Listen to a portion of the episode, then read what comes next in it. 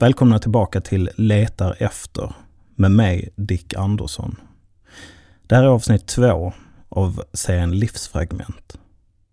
Formatet är en person väljer en känsla eller ett beteende som den genom en introspektiv resa försöker hitta roten till. Vill du komma i kontakt med mig, ha en fråga eller vill bidra med en text så kan du mejla mig på info.letarefter.com. I avsnitt två av Livsfragment möter vi Alina. Hon berättar om en av grundbultarna för varje sund relation och den kanske viktigaste faktorn till majoriteten av alla mänskliga möten. Hon berättar om hur hon inledde sitt liv helt utan anledning att lita på andra människor. Avsnitt två handlar om tillit och är skrivet av Alina Brännström.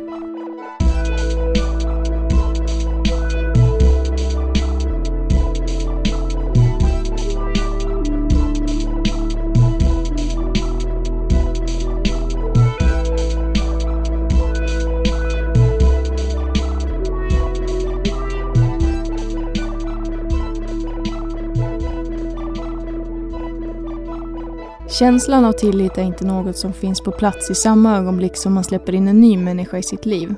Tvärtom. Tilliten växer fram och förtjänas genom hur man agerar.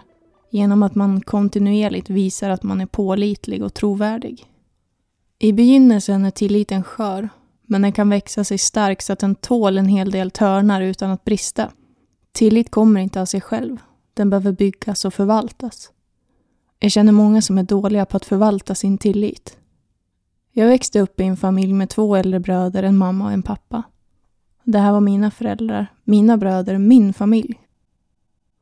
Mina föräldrar separerade när jag var fem år gammal och här uppstod någonting väldigt konstigt. För varannan helg åkte mina bröder hem till min pappa för att spendera tid med honom medan jag var kvar hos mamma, undrande över varför jag inte fick träffa honom. Något som blev ännu konstigare då jag fick en stödfamilj när mamma ville ha egen tid.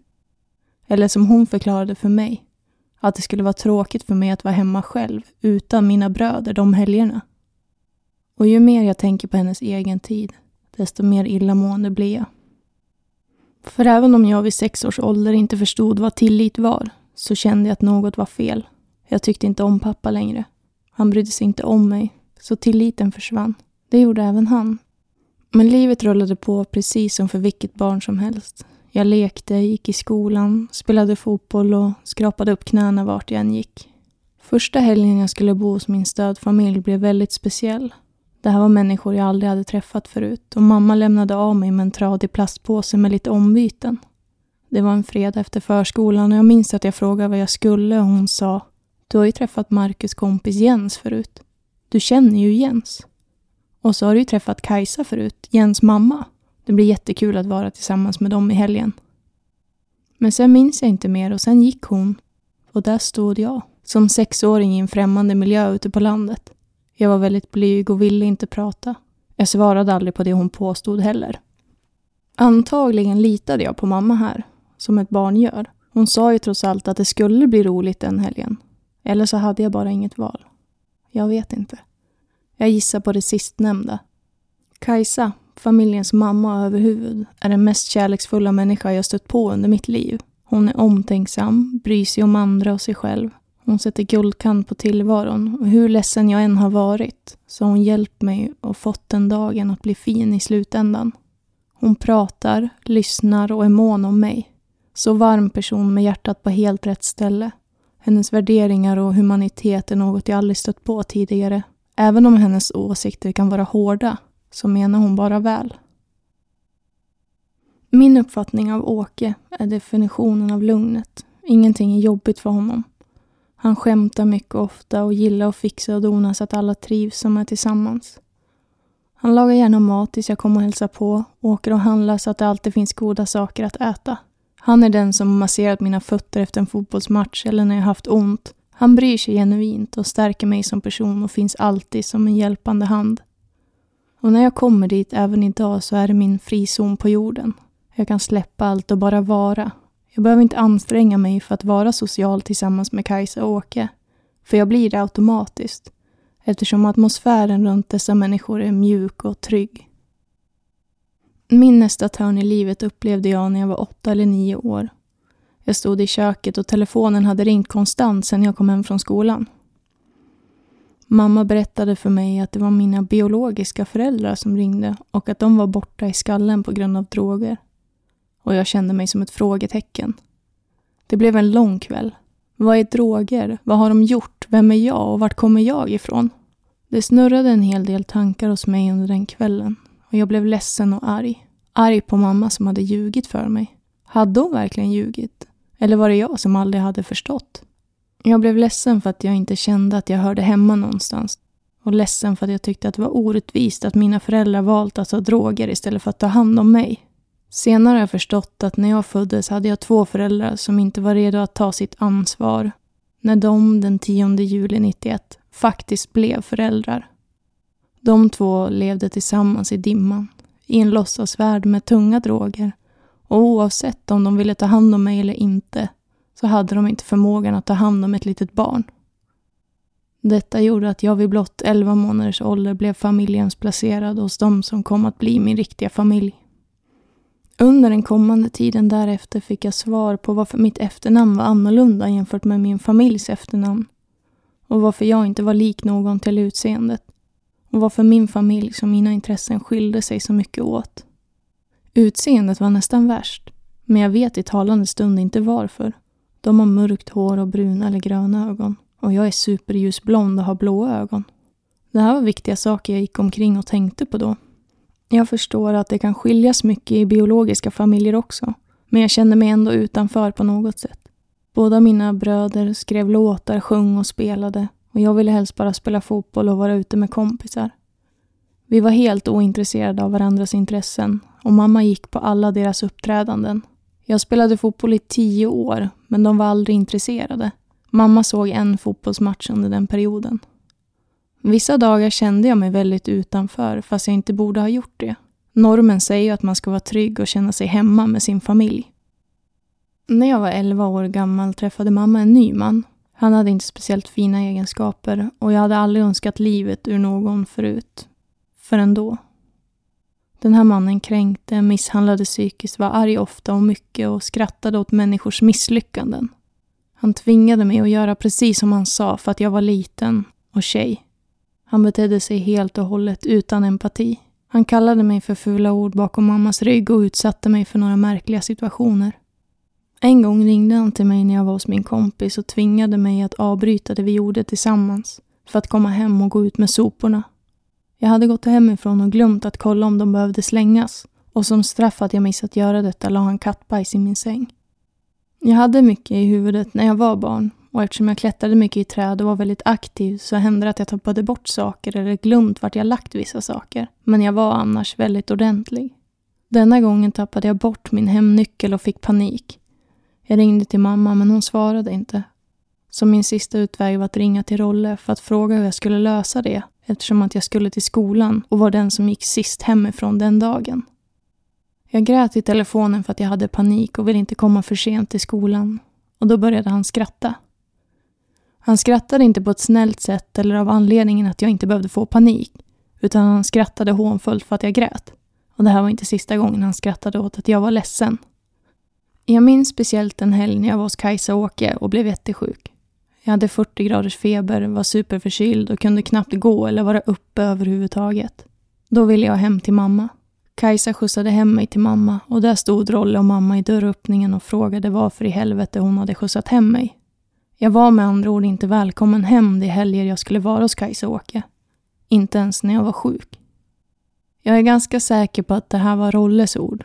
För han hade uttryckt sig tidigare att han längtade tills vi barn flyttat hemifrån så att de två kunde börja leva på riktigt. Detta pågick under cirka nio år. Det var nio fruktansvärda år av mitt liv och jag tappade livslusten till och från. Ni kan säkert enkelt räkna ut att all tillit till en vuxen människa var som bortblåst för mig. Min nästa smäll kommer efter att jag berättat för mina bröder att jag inte vill leva längre och att jag tar livet av mig om mamma och Rolle får för sig att de ska gifta sig. Jag vet ärligt talat inte vad som hände efter det, eller vad mina bröder sa till mamma. Men av någon konstig anledning så hämtar mamma mig från Kajsa och Åke där jag spenderat helgen. Hon hade sällan hämtat mig förut. Mamma berättar att hon är jätteledsen och pratat med Rolle om hans beteende och att han måste ändra på sig och att allt ska bli så himla bra igen. Igen. Det hade aldrig varit bra med Rolle. I den konversationen får hon mig att må riktigt dåligt. Hon la ansvaret på mig. Att det var jag som var tvungen att skärpa mig och ändra attityd mot honom. Det var jag som skulle försöka mer. Det hon sa knäckte mig fullständigt.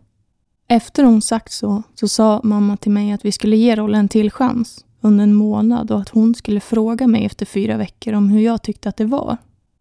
Vad tror ni hände? Ingenting. Hon frågade aldrig mig hur jag mådde eller om det blivit någon skillnad, så den psykiska terrorn fortsatte. Men det kom en dag i mitt liv där jag kände att det äntligen var min tur att ta kontroll. Jag bestämde mig för att flytta hemifrån, även om jag ännu inte blivit myndig.